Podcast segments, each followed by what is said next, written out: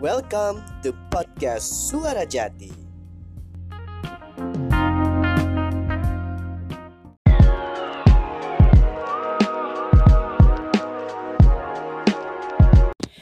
Okay, tonight I'm going to speak about privilege. And I did some research and I found this very light article that tells everything about the meaning of privilege. This article is written by Allan G. Johnson. What is privilege? No matter what privilege group you belong to, if you want to understand the problem of privilege and difference, the first stumbling block is usually the idea of privilege itself.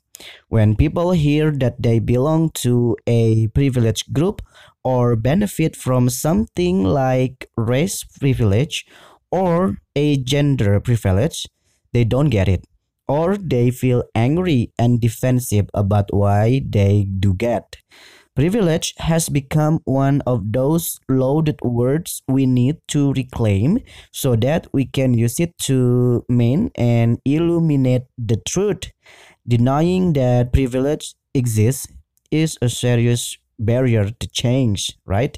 But for now, it's important to get a sense of what the word means before we go any further. So there is something that I can get from this privilege meaning by the Ellen G. Johnson that privilege is something that connected to a power and the difference, right? So the trouble around difference is really about privilege and power. The existence of privilege and the lopsided distribution of power that keep it going. The trouble is rooted in a legacy we all inherited and while we're here it's belong to us it belongs to us it isn't our fault it wasn't caused by something we did or we didn't do. But now it's all ours. It's all around us. It's up to us to decide how we're going to deal with it before we collectively pass it along to the generation that will follow ours in the future. I don't know, when I did some researches, I found most of cases that has something to do with privileges in other countries.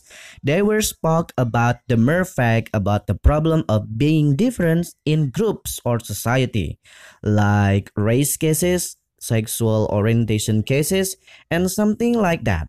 Yeah, something like that. But when it comes to privileges cases in Indonesia, it goes like who has more power, who is richer, who is whose.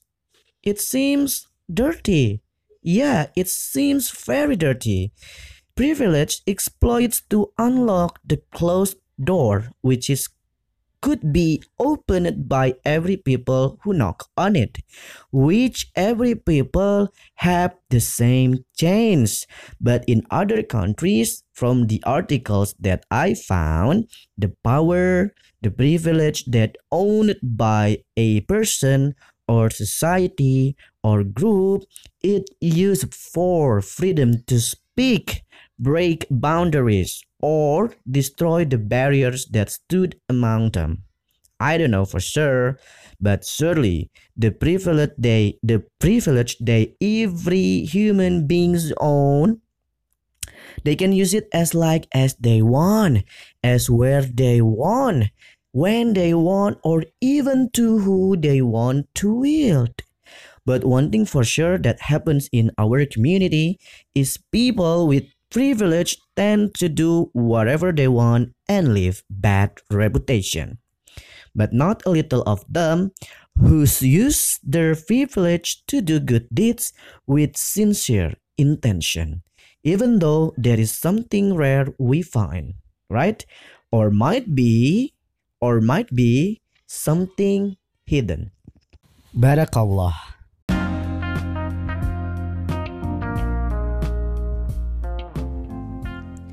Thank you for listening to podcast Suara Jati.